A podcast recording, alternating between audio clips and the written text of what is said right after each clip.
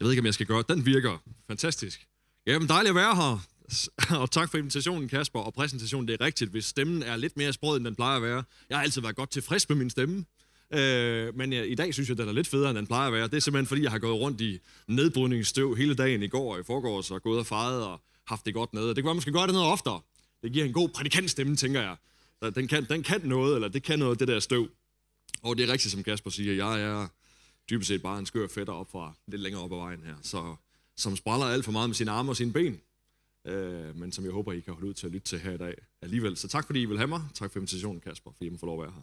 Er det okay, at vi bare lige beder en gang mere? Måske lige så meget bare for min egen skyld, men også for jeres, sådan jeg får sagt det, jeg skal sige. Tak far i himlen, at øh, vi kan mødes, som vi gør her. Tak, Jesus, at øh, du har noget, du gerne vil sige til os. Det har du altid, og det har du også den her søndag. Og jeg beder dig om, at jeg, som, som har glæden og æren af at være den, som, som skal sige noget, må få lov til at være tro over mod det, du har givet mig. Og jeg beder dig om, at den forsamling, som sidder og lytter her og online, uanset hvilket rum man sidder i lige nu og lytter med, så beder jeg dig om, at de ord, som bliver sagt nu, må være noget, som er livgivende, styrkende og trosstyrkende ind i vores liv. Det takker dig for. Tak, far, at du på ganske få øjeblikke kan gøre det, som er totalt umuligt for mennesker. Det kan du gøre. Så bed dig om, at du vil gøre, og det giver vi dig tilladelse til at gøre i det her øjeblik. I Jesu navn. Og hele AMC sagde, Amen. Jeg kan altid godt lide at starte med et skriftsted. Jeg har en præst, og øh, en chef er han nu, som hedder Johannes Hansen, som nogle af jer vil kende. Han har sådan lært mig et godt princip omkring det der med at lige starte med et skriftsted. Fordi så uanset hvad for noget råd du ellers får sagt bagefter, så har folk der i hvert fald fået det med. Og øh, det, det tænker jeg, det her er taget til hjerte, også fordi det kan godt, du ved, nogle af jer skal godt få sagt noget råd nogle gange. Så lad os starte der. Men fordi jeg kommer lidt skævt ind i et skriftsted, som jeg har valgt, at vi skal starte med i dag, så vil jeg bare lige sådan lige, bare lige kontekstualisere det en lille smule. Vi skal læse noget, som Paulus har skrevet, som står i 2. Korintherbrev, øh, kapitel 12, og, øh, og den sætning, vi kommer ind i, er en lille smule skæv, men det er sådan et, et kapitel eller to kapitler, hvor Paulus han har været i gang med at fortælle om en hel masse udfordringer i sit liv en hel masse svære ting, som han har stået i og gået igennem, og, øh, og det er det, vi kommer ind i her i det første vers, som ellers godt kan lyde sådan lidt sjovt. Der står sådan her, i 2. Korintherbrev kapitel 12, vers 8 og til 10. Der siger han, tre gange bad jeg Herren om, at den, altså de svære ting i livet, kunne du sige, måtte blive taget fra mig. Men han svarede, min nåde er dig nok, for min magt udøves i magtesløshed. Jeg vil altså helst være stolt af min magtesløshed, for at Kristi magt kan være over mig. Og derfor så er jeg godt tilfreds under magtesløshed, under mishandlinger, under trængsler, under forfølgelser og vanskeligheder. For Kristi skyld, for når jeg er magtesløs, så er jeg stærk. Tone, giver det åbne for mig. Jeg kan simpelthen ikke få den ene hånd til det. Jeg er, ikke, jeg er ikke stærk nok. Jeg kan bygge et hus, tror jeg, men jeg har åbnet en flaske, det kan jeg åbenbart ikke. Budskabets titel i dag, tak skal du have, Tone. Tak. Min titel på budskabet i dag er styrke i svaghed, og som er noget, som har arbejdet sådan på mit hjerte de sidste par uger, og som jeg også har delt en del af med min egen kirke, som sagt lidt længere op ad vejen. Jeg ved ikke, hvordan du har det med svaghed. Det er sådan et meget bredt spørgsmål, ikke? Men der er noget omkring det ord, eller sådan den tilstand, man er i, når man er i svaghed, som ikke er sådan super behagelig. Bare det sådan at smage lidt på svaghed, stinker jo helt vildt. Altså det er noget, man slet ikke på nogen måde har lyst til at være i nærheden af, eller sådan at have inden omkring livet. I mit liv der har det udmyndtet sig som, som sådan, at jeg kan huske, da jeg startede på efterskole som 14-årig på en efterskole, der hedder Kildevæld, som ligger nede i Kolding. Nogen kender den måske. Der havde vi sådan en introdag, hvor man sådan skulle sidde ind i sådan en stor spisesal, og så, skulle man lige, så blev ens navn råbt op, og så skulle man rejse sig op, og så skulle man lige kort sige noget. Angstprovokerende for en, der er 14 år gammel og går meget op i, hvordan man ser ud, ikke? Uh, man er bange for at sige alt det forkerte. Men jeg skulle rejse mig op der, og, uh, og efter jeg havde præsenteret mig selv, så lagde jeg godt, eller da jeg præsenterede mig selv, lagde jeg godt mærke til, at der var sådan en, en yng, lidt yngre mandlig lærer, som sådan sad og hudede lidt, og sådan grinte lidt, da jeg fortalte, hvem jeg var. Og øh, bagefter mødte jeg ham ud på gangen, sådan husker jeg det i hvert fald, jeg mødte ham ud på gangen bagefter, hvor han kom ind og sagde, hey, det er dig, vi kalder pokerface. Og jeg var sådan, ja, det kan da godt være, det er det, men jeg hedder nu godt nok Silas, det har jeg også lige fortalt derinde fra salen, jeg hedder Silas. Jamen, dengang du var lille, du voksede op i Nykøbing, og i den frikirke, Nykøbing Frikirke, som jeg kom i, der, øh, der kaldte vi dig pokerface. Vi var sådan nogle unge gutter, og du var den, som var i den kirke, og du var det eneste sådan lille barn, der lige blev født i den. Det var en rimelig lille kirke, så det, jeg var det eneste barn, der var der, og historien var så, at jeg var ham der den lille gut, som begyndte at løbe rundt på kirkegulvet der, og var den eneste, de havde drillet. Så i den kirke der, så ville de, sådan, de der unge gutter ville gerne sådan stikke lidt til mig og lave lidt sjov med mig, og prøve at se, om de kunne få sådan en reaktion ud af mig. Sikkert bare sådan for sjov. Og der sagde han bare, det var totalt umuligt at få en reaktion ud af dig, uanset hvad vi gjorde. Vi prøvede at lave sjov med dig, eller drille dig lidt, eller mobbe dig en lille smule. Det var ligegyldigt, hvad vi gjorde. Så satte du altid bare sådan et ansigt på, der ligesom skulle illustrere, at I kan da bare komme an. Give it your best shot. Gør det bedste, du overhovedet kan. Du får ikke en følelsesmæssig reaktion ud af mig. Og derfor så begyndte vi at kalde dig pokerface. Og øh, jeg kan huske, da jeg hørte det, eller når jeg tænkte tilbage på den historie, han fortalte mig der, så kendetegner det dybest set en hel del af mit liv. At når jeg var i kontakt med ting sådan i mine teenageår, og også op i sådan de yngre, indtil Jesus på et tidspunkt mødte mig, men også lidt derefter, kom i kontakt med ting i mit liv, som var vanskelige, så ville jeg gerne tage sådan en attitude på, eller sådan en, en positur, en indstilling på, der, der ligesom skulle fortælle alle andre, og nogle gange også mig selv, at jeg har styr på det. At jeg kan selv. Jeg er i kontrol. Jeg er stærk nok til at klare det her, som jeg står i. Selvom jeg på indersiden følte det stik modsatte. Havde det på fuldstændig modsat vis. Dybest set bare følte mig svag. Følte, at mit liv var ude af kontrol, eller følte, at det, som var omkring mig, det jeg stod i, var stærkere, end jeg var. Det kan du måske genkende. Jeg vil gætte på, at det er rimelig menneskeligt, at vi gerne vil skjule vores sådan, svaghed og foregive, at vi har styrke i det ydre, selvom vi så absolut overhovedet ikke har det. Skål. Jeg tror nogle gange, det, eller jeg tror ret ofte, det bunder sådan i et, i et ønske, vi har omkring kontrol over vores eget liv. At være herre i eget hus. At kunne selv. Det bliver nok ikke meget bedre af, at vi lever i det her samfund, som man ret ofte, eller i hvert fald sådan nogle af de der du ved, kloge hoveder på universiteterne og professorer og sådan noget, de kalder det øh, præstationssamfundet. Et samfund, hvor du definerer sig det, du kan, og det, du gør. Det, som du lykkes med. Det, du kan på en eller anden måde det du kan præstere, det er derfor, det hedder præstationssamfund, det definerer, hvem du er, og hvordan vi ser dig. Og derfor så fordrer det jo på en eller anden måde, hvis ikke jeg føler, jeg er præstationsværdig, eller kan præstere, så er jeg nødt til at foregive, at jeg kan. Det er i hvert fald det, der har været min egen erfaring. Så er jeg nødt til at vise verden, at jeg er et eller andet. I popkulturen, sådan filmverdenen, og i hvert fald hvis du ser de samme film, som jeg gør, det gætter jeg på, at du gør, et stykke hen ad vejen, så er det også den type mennesker, vi hylder, og som giver os gåsehud. Det er dem der, som trodser alle odds og bare er stærk, på trods af, at det burde det ikke være. Eller dem der, som du ved, når bilen springer i luften i baggrunden, så kigger de ikke engang over skulderen, så cool og så stærke er de. For det har de jo set massevis af gange, så når den springer i luften i baggrunden, så går det bare væk, som om det er fuldstændig ligegyldigt. Og alle vi andre, vi sidder bare og tænker, jeg vil elske at se sådan, i, sådan en eksplosion i virkeligheden. Og så kigger du ikke engang. Den slags mennesker er nok dem, vi hylder, tror jeg, eller sådan kan give os gåsehud ned. Det er, dem, det er i hvert fald det, jeg sådan sidder og tænker, det er jo mig, det der, når jeg ser det, ikke? Det giver mig gåsehud. Jeg i hvert fald ønsker, at det var mig. Og øhm, jeg så her for nylig en TED-talk jeg ved ikke, om du har prøvet at se det. Man kan finde sådan nogle TED-talks med folk, der er dygtige og kloge på alt muligt. Det kan du finde på YouTube. Og der hørte jeg sådan en lille 18-minutters video med en forsker i USA. Hun forsker i skam. Noget så opbyggende som skam. Og, og øh, det forsker hun i. Hun hedder Brené Brown. Hun er meget kendt, har skrevet nogle lederskabsbøger også. Og hun sagde, bare sådan en lille sætning, som fik mig til at tænke, at det mandlige køn, det vi frygter allermest, nu er jeg selv mand, så jeg kan godt sige vi, det mandlige køns største frygt i livet, det, som det bekymrer os allermest, eller det, som vi prøver at undgå allermest, er fornemmelsen af svaghed. At det at komme i kontakt med svaghed, det er ikke at slå til, det er ikke at have kontrol, det er ikke at være eller have løsningen er det, som vi hele tiden forsøger at, at komme væk fra eller undgå. Jeg ved ikke, hvordan det er at være kvinde, men man lurer mig, om ikke I kender lidt til det alligevel. Altså, selvom det måske ikke er den største frygt, det skal jeg ikke kunne sige. Jeg har ikke prøvet at være ja. Men øhm, jeg tror, vi kender det alle sammen. Og i det her, vi lige læste de første vers, vi læser her, der skriver Paulus til den her kirke, som ligger i Korinth, som han selv har plantet. Det er hans andet brev, derfor hedder det anden Korintherbrev. Og det gør han blandt andet, der er flere grunde til, at han skriver brevet, der er flere temaer i det, men i de her kapitler, kapitel 11 og kapitel 12, som vi kan komme ind i her til at starte med, der skriver han, fordi der er nogle nye lærere, der er nogle mennesker, som har bevæget sig ind i den her kirke, mens han har været væk, siden han plantede den, og øh, som har bevæget sig derind og er begyndt at så mistillid til ham. Han siger faktisk så, så, så direkte i kapitel 11, at de prædiker en anden Jesus, end den han selv har prædiket. Han siger, at de repræsenterer og giver videre en anden ånd, end den han har. Så det er sådan rimelig gralt, ikke? I en kirke, at du prædiker en anden Jesus, end den vi tror på. Det er jo sådan det eneste, vi rigtig har at prædike, det er faktisk ham, så at lave om på det, det gør jo bare, at så har vi ingenting. Og det er det, han oplevede, da de prædikede en anden Jesus. Og han siger der i kapitel 11, bare lige sådan for at riste op, den her scene, vi kommer ind i, at de her nye apostle, jeg sætter det i gåse, når jeg Ja, jeg vil sætte det i gåse øjne, for det, det er dybest set det, han gør med sin tekst. De vil gerne være noget særligt. Han kalder dem overapostle, og hensyder dertil, eller derved til deres attitude over for de her mennesker, de er sammen med. Han siger om dem, at de tager kredit for Paulus' arbejde i kirken. At de miskrediterer ham. De siger om ham, at han er stærk i sine breve, men svag i personlig fremtiden. Det er en anden måde at sige på, han er god til at skrive, ikke? men når han er her, så er der ikke så meget at komme efter, vel? Sådan en måde at miskreditere ham på, og sørge for, at ham der gider vi da ikke at lytte til. De, de kalder sig selv dygtige talere og antyder, at han ikke er en dygtig taler. At, og han siger om dem, at de er stolte af, hvad de kan. Og så skriver han, at de undertrykker menigheden. Og det gør han med følgende ord. Han siger, at de gør menigheden til slaver. De udsuger dem. Baster og binder dem. Behandler dem nedladende. Og slår dem i synet.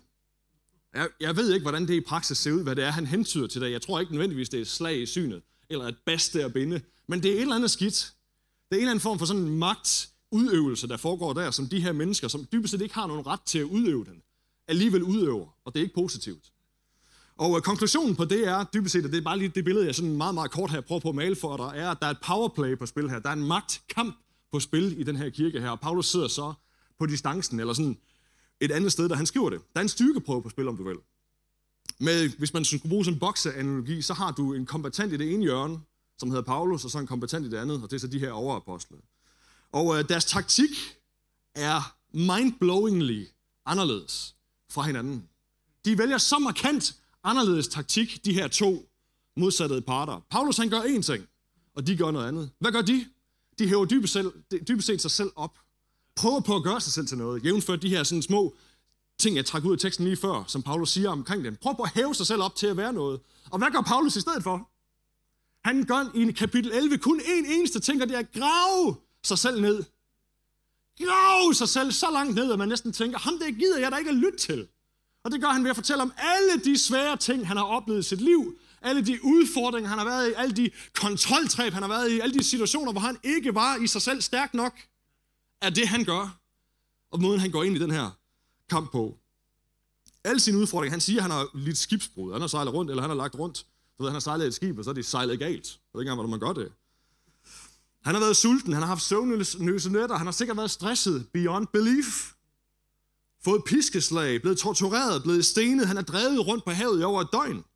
Været mad og tøjmangel, og listen kunne blive ved. Situationer, hvor han har tabt kontrollen fuldstændig. Situationer, som de fleste af os, bare en af dem vil slå os fuldstændig ud af kurs. Har han været i svage situationer. I så meget kontakt med menneskelige og sine egne svagheder og tilkortkommenhed. Og de her overpostle, de gør det modsatte. De hæver sig selv op. Og det han gør der, det er, at i stedet for at være stolt af egne meritter, som jeg jo godt tænker, det kunne du sådan set godt have været. Du har måske også godt lidt, du sådan kunne blære dig selv med. Du kunne måske godt, du kunne godt lige have drøbet en lille bitte smule stolthed ind i. Du har da lidt at prale af, Paulus, vil jeg tænke. Det vil jeg han ikke gøre. I stedet for så er han stolt, skriver han i kapitel 11 flere gange, af sin magtesløshed. Stolt af magtesløshed. Han siger det otte gange i den tekst, vi læste nu der, til at starte med. Der siger han det tre gange. Kapitel 11 og 8 kombineret. Eller 11 og 12 kombineret. Siger han det otte gange, at han er stolt af sin magtesløshed. Det giver jo ikke nogen mening at være stolt af magtesløshed. Så det han dybest set gør, det håber jeg, I kan begynde at se, det er, at han går ind i en kamp, hvor det er magt, der er på spil. Og det gør han med det ringeste kort, du overhovedet kan have på din hånd. Magtesløshed. Det giver jo absolut ikke nogen logisk mening at gøre det.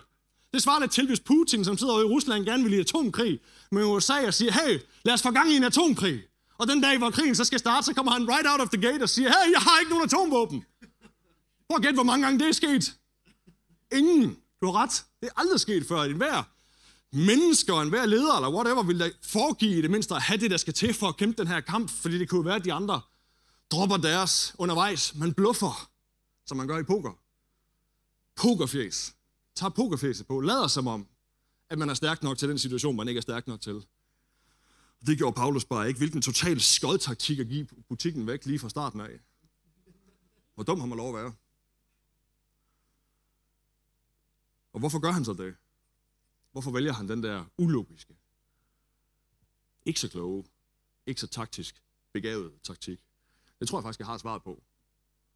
Og det er ikke fordi, at det er rocket science, for han giver det faktisk til os i det vers, vi læste til at starte med.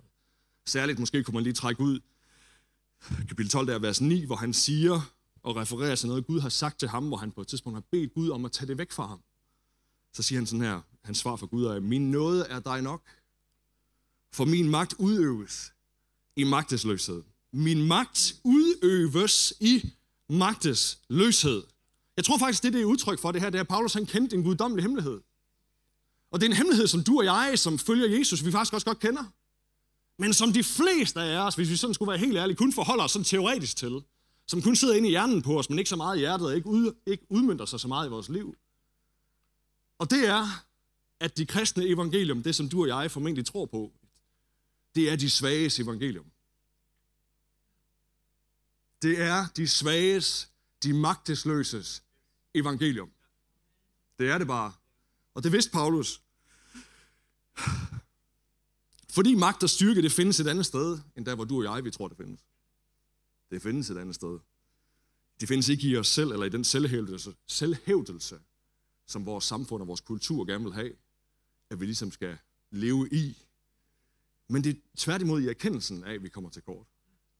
I erkendelsen af svaghed, der findes det.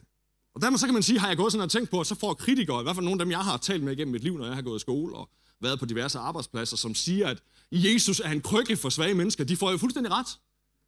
Jeg, jeg, jeg har altid siddet og tænkt, at du har 100% ret. Du beskriver faktisk det, jeg tror på, bedre end jeg selv kunne have gjort.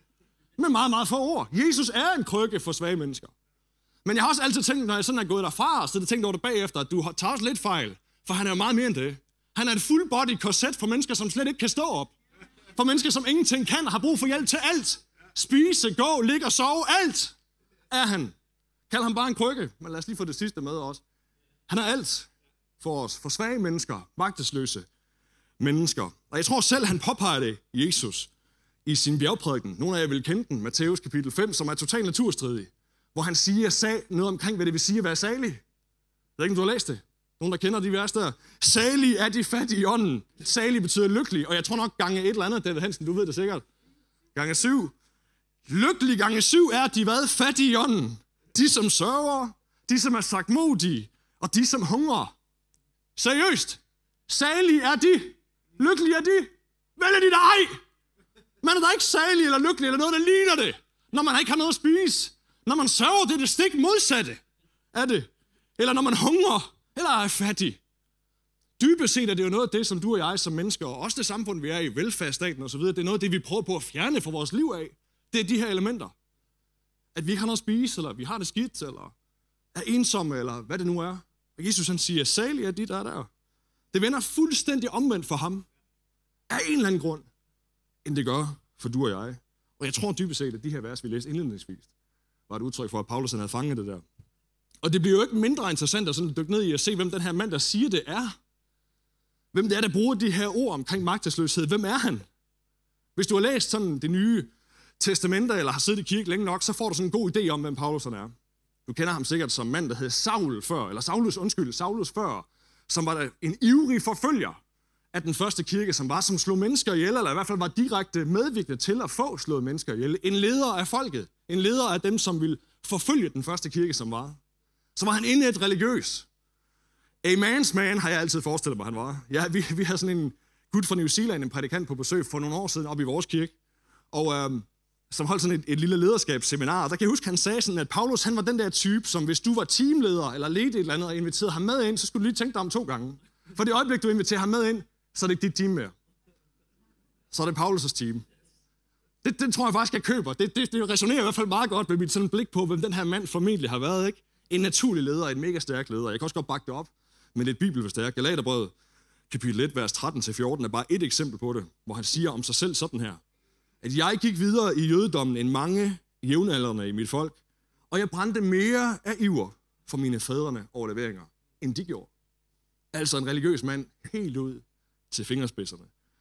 Vant til at udøve magt over sit eget liv. At basere sin relation på Gud, på sin egen viljestyrke. Du kunne sådan set sige at søge sin styrke i sig selv. Og han var god til det. Han var committed på at gøre det, tror jeg, som Jesus rent faktisk selv talte om. I det selv samme sådan bjergprædiken, Matthæus kapitel 5, som jeg nævnte lige før, hvor han på et tidspunkt fortæller de her jøder, som sidder og lytter til ham, at han ikke var kommet for at nedbryde den lov, som de forsøgte at leve op til, men rent faktisk at opfylde den. Og der siger han på et tidspunkt, den her i kapitel, Matteus evangelie, kapitel 5, vers 48, så vær der fuldkommen, som jeres himmelske fader er fuldkommen. Og det han gør lige der over for de her jøder, som sidder og lytter til ham på det bjerg der, det er bare, at han tager den bar, som de i forvejen synes er høj, og så løfter han den bare hjernedødt højt op. Helt unaturligt, voldsomt, voldsomt, højt op. Han kiggede dybest set bare rundt på dem og sagde, I prøver allerede hårdt. I prøver allerede. I, I, I gør allerede jeres bedste. Gør det bedre. Du prøver hårdt. Prøv hårdere. Det er sværere end det, du lige nu står i. Barn, den skal højere op. Du skal overholde alle regler.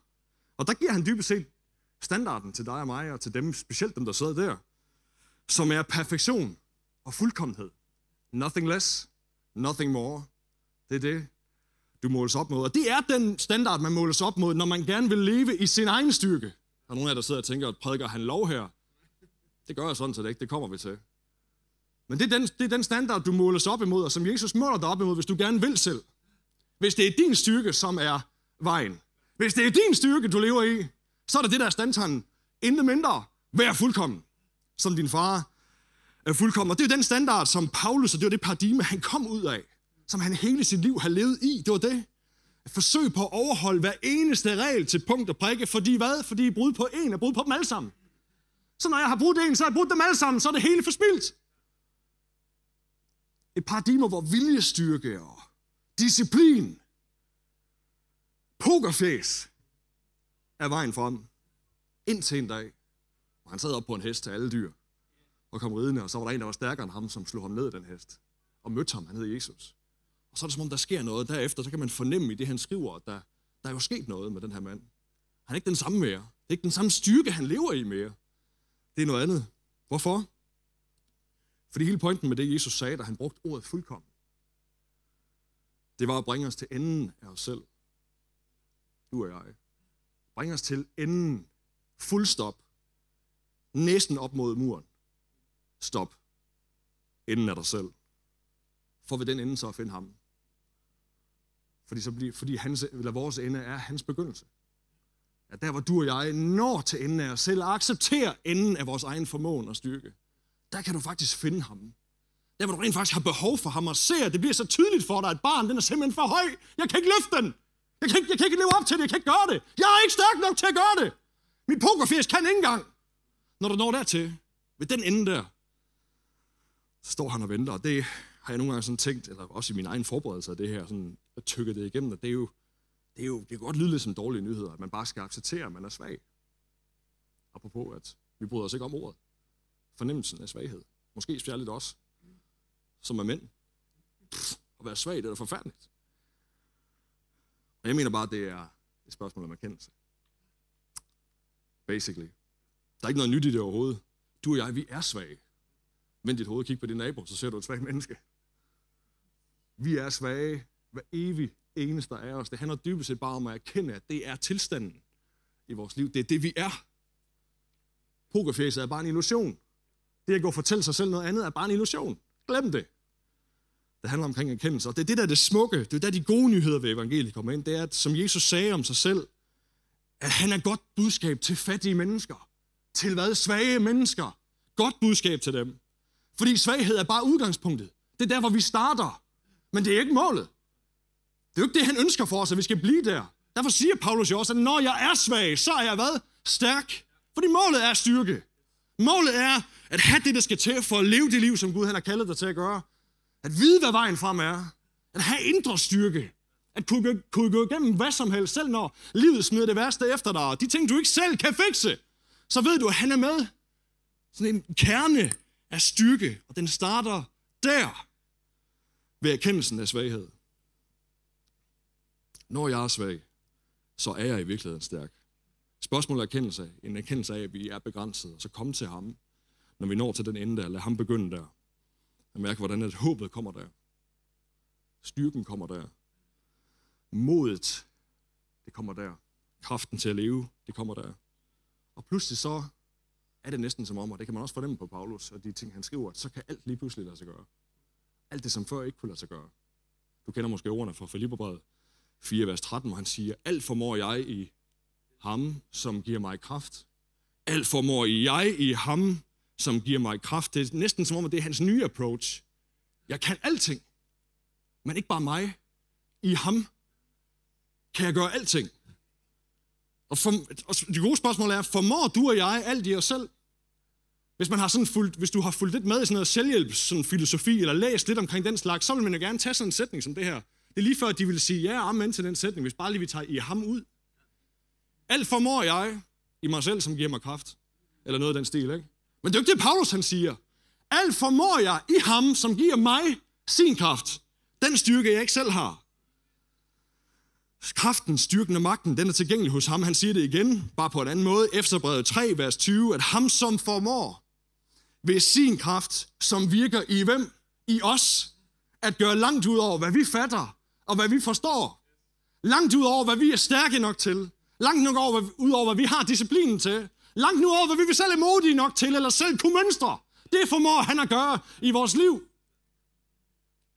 Når han virker i os. Han havde lært det, tror jeg, at ved hans egen ende, i svagheden, der findes styrken. Og det spændende er, at Jesu ord fuldkommen, da han bruger det ord der, der tror jeg rent faktisk, at han sigter direkte på det her. Det er det samme ord, som bruges i de her vers, i kapitel 12, vers 9 i 2. Korintherbrev, som vi ikke rigtig får med på, i den danske udgave, som jeg læste. Og derfor står der bare, at min magt, ud, min magt udfolder sig i magtesløshed. Men der burde faktisk have været sådan et fuldkomt med inden der. Min magt udfolder sig fuldkomment i magtesløshed. Det er der i originalteksten. Derfor tror jeg også, man sagde i den gamle bibel, udfolder min magt sig helt, eller noget af den stil. På engelsk der siger de, it's made perfect in weakness. Den, ud, den, den, udfør, den, den udfolder sig perfekt, fuldkomment i svaghed. Det var det, han pegede på, da han sad der og talte til de der jøder, at selve nøglen til den der fuldkommenhed, som han taler om, den findes lige præcis der, når jeg erkender, at jeg er ikke fuldkommen. Men så er nøglen der, og det giver jo ikke nogen mening. Det menneske giver jo ikke nogen mening. Jeg er ikke fuldkommen, så er du fuldkommen. Jeg er ikke stærk, så er du stærk. Ja, undskyld, det, det, det kan jeg næsten ikke rumme. Det er jo to modsatrettede størrelser. Det kan ikke lade sig gøre. Men det kan det åbenbart godt for ham. Og Jesus selv er jo det vildeste eksempel på det her. Der ved ikke, om du sådan har tid til lige nu at sidde og tænke over, eller måske har tænkt over før. Hvornår var Jesus ultimativt, kunne du sige, stærk? Hvornår var han stærkest? Hvornår udviste han størst styrke? Det gjorde han jo for, er det ikke to uger siden nu? Påske søndag da han stod op fra graven og gjorde det, som ingen anden kunne gøre. Det, som vi den dag i dag stadig diskuterer om skete. Men som vi tror på skete, at han faktisk besejrede døden. Besejrede den ultimative fjende og stod op igen og nærmest grinede af den bagefter og sagde, død, hvor er din brød hen? Da han gjorde det. Ultimativ magtdemonstration. Men hvad gik forud for det? Hvad skete der før det? Ultimativ svaghed. Voldsom grænseoverskridende, selvudslættende svaghed. Hængende der nøgen på et kors. Jeg har nogle gange sådan prøvet at, bare prøvet at tænke mig til, hvordan det må være. Har du nogensinde prøvet, at der er nogen, der lige, hvis du går, er kommet ud af badet derhjemme, går rundt, og vinduet står åbent, og så er der lige nogen, der titter op, og så tænker du, kan jeg vide, om de så noget af dem der? Hvor grænseoverskridende det kan være, eller andre situationer, hvor man kommer til at blotte et eller andet på sig selv, og det er ikke med vilje. Det kan være så ikke grænseoverskridende, og, og alle er næsten enige om, at manden hang nøgen på det kors der. Det må have været så voldsom en oplevelse at hænge der. Jeg håber ikke, er det for meget for jer, AMC? Det var det, der skete. Hang der, totalt blottet, totalt nøgen, på et kors, navler igennem sine hænder og igennem sine fødder, for dem han gerne ville hjælpe. Bange var han. Jesus, var han bange? Vel var han bange i Gethsemanes have, hvor han er så bange, han sveder blod, fordi han ved, hvad der kommer. Og korsfæstelse var ret velkendt som en af de meget, meget mest voldsomme måder, man overhovedet kunne dø på. Druknet i sit eget blod. Han vidste, det kom forslået med tornekronen mas ned i skallen. Fået så mange pisker, han burde være død af det. Det var dybest set en kødklump, som gik igennem byen med et kors på ryggen. Mega svag. Og hvad var han ellers? Forladt. Måske næsten værst af alt. Du kender ordene, da han hænger på korset, han siger, min far, min far, eller Gud, Gud, hvorfor har du forladt mig? Og jeg, de ord er så smertefulde, tænker jeg, hvis man tænker på, hvem han er. Du får jo fornemmelsen, når du læser omkring ham, at det var en mand, som var totalt i synk med Gud hele sit liv, gjorde, ønskede ikke at gøre andet end at leve for ham, og Bibelen fortæller omkring, hvordan han havde helligånden uden mål. Fuldstændig et med Gud, sin far i himlen. Og lige der, så siger han de der ord. Og jeg har altid undret mig over, hvorfor han ikke vidste det på forhånd. Jeg har altid tænkt, hvorfor stiller du som et spørgsmål, Jesus? Du, du ved jo alt. Der er Gud og helligånden i den der træenighed, der har svar på det hele. Hvorfor vidste du ikke, at du ville være alene der? Det ved jeg ikke, men det kunne godt virke, som om han ikke gjorde at det rent faktisk kom bag på ham. Hvor voldsomt det føles at hænge der under hele verdens synd, og Gud som må trække sit nærvær fra ham for første gang i hans liv. Ultimativ svaghed gik forud for hvad? Ultimativ styrke. Det var det, som overraskede jøderne så meget, da de hylder ham på palmesøndag ugen før det. De hylder ham som den der konge, og de har en forventning om, at nu kommer han der, som er mega stærk, og som de har lovet os, og han kommer bare og dominerer folk på plads og giver os det, som Gud har lovet os. Og det gjorde han bare overhovedet. Ikke? Han gjorde det her i stedet for, at de forstod det ikke.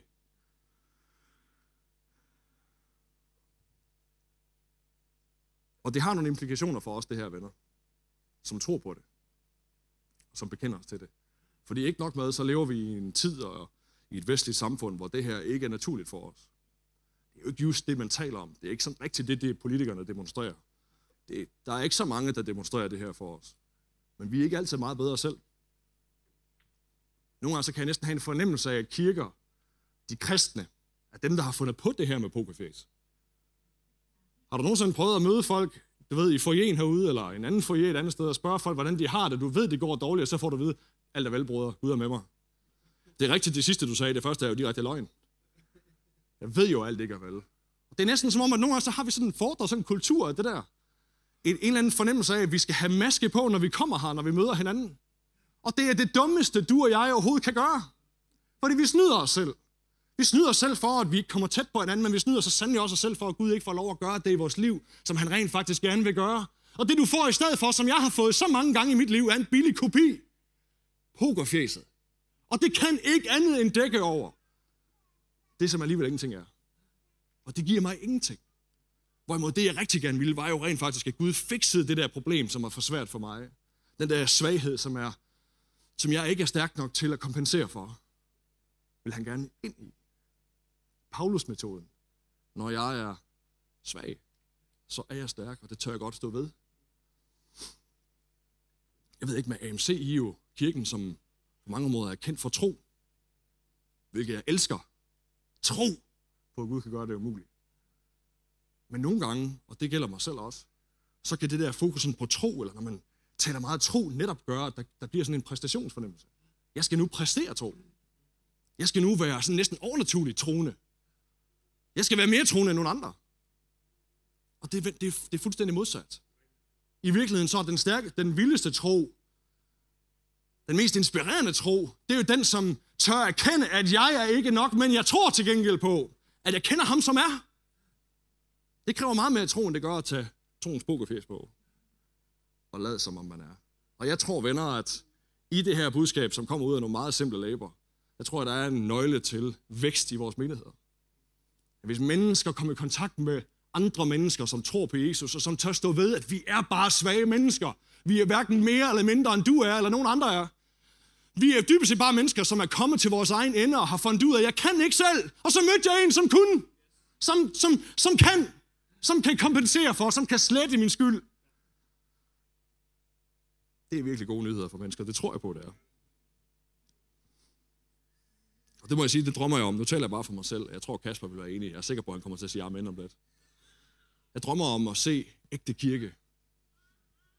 Mennesker, som godt ved, at de i sig selv ikke er stærke, men som kender ham, som er. Og som når de møder hinanden, er okay med hinandens svagheder også. Kan rumme hinandens svagheder. Fordi vi ved, hvem vi skal introducere, introducere det for. Vi ved, hvem det er, vi skal invitere ind i det der. Fordi når vi er svage, så er vi i virkeligheden stærke. Jeg ved ikke, hvor mange gange om ugen jeg tænker på, nu er Kasper Kasper sagde, at jeg er præst og har været det i halvandet år. Der går ikke en uge, hvor jeg ikke har en håndfuld gange, jeg tænker, at det her det er jeg ikke god nok til. Det her det er jeg simpelthen ikke dygtig nok til. Jeg er faktisk ikke stærk nok til det her. Jeg er dybest set dårligere end dem, tænker jeg nogle gange. Og kan have sådan en idé om inde i mit eget hoved, at jeg burde være bedre.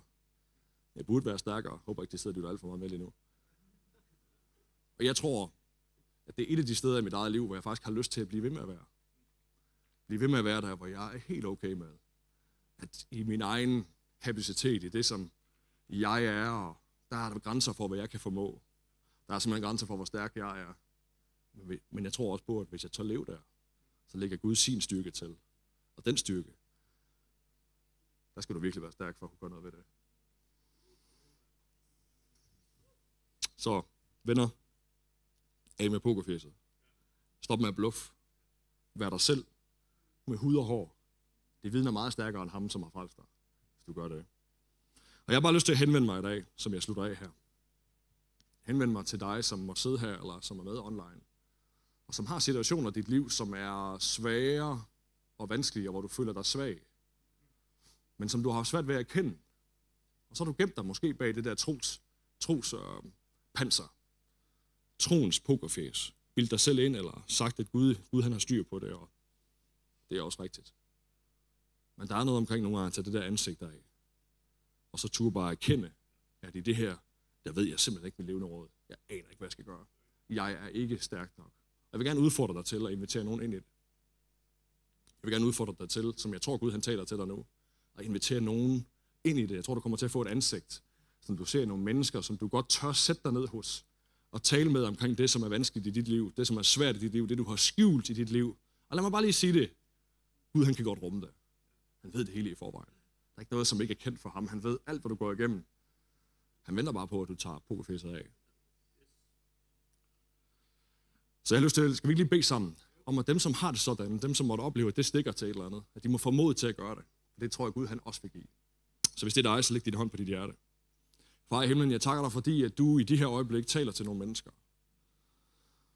Jeg takker dig for enhver situation, som er i hårdknude. Enhver situation, som er svær, smertefuld. Og er en byrde ned over menneskers liv. Og som de holder for sig selv. Fordi de ikke ved, hvordan de skal, de, de skal erkende det, eller ved, hvordan de skal dele det. Jeg takker dig for mod lige nu, ind i den situation. Tak, at de må få lov til at opleve, at troen rejser sig op på indersiden.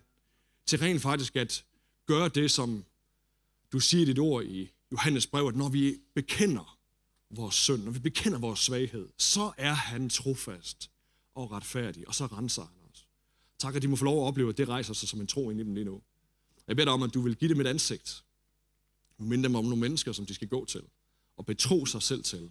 Og jeg takker dig, fordi de skal få lov til at opleve, at der er en helt ny relation, både til mennesker, men også til dig, Gud, som kommer til at springe ud af den beslutning, som kommer til at udspringe af det, og som kommer til at skabe en helt ny dynamik, som kommer til at give en oplevelse af rent faktisk at være kirke, ægte kirke, hvor vi ved, at vi er svage mennesker, men som har en stærk Gud, som har lovet at være med os alle dage. Det takker dig for enhver, som sidder med hånden på hjertet lige nu.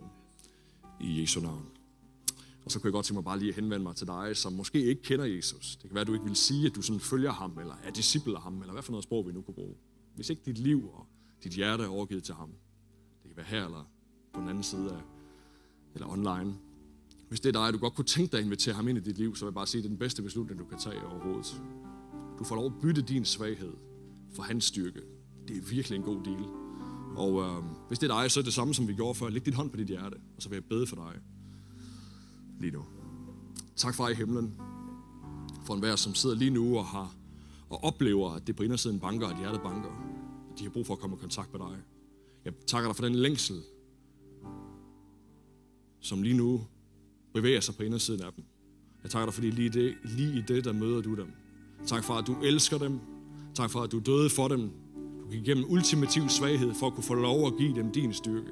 Og jeg takker dig, fordi at de må få lov til at opleve den styrke, I klæde dem lige nu. Tak, Jesus, at hver byrde af skam og synd, som har ødelagt ting i deres liv, at de må få lov at opleve det lettere fra deres skuldre i det her øjeblik. Ligesom du har gjort i mit liv. Tag byrden af. Det, som er for tungt for os selv at bære, det tager du i det her øjeblik. Det takker dig for. Og jeg beder dig, om de må få lov at opleve, at der starter en, et helt nyt liv, som dit ord lover os. De må få lov til at opleve, at de starter på en vandring med dig her.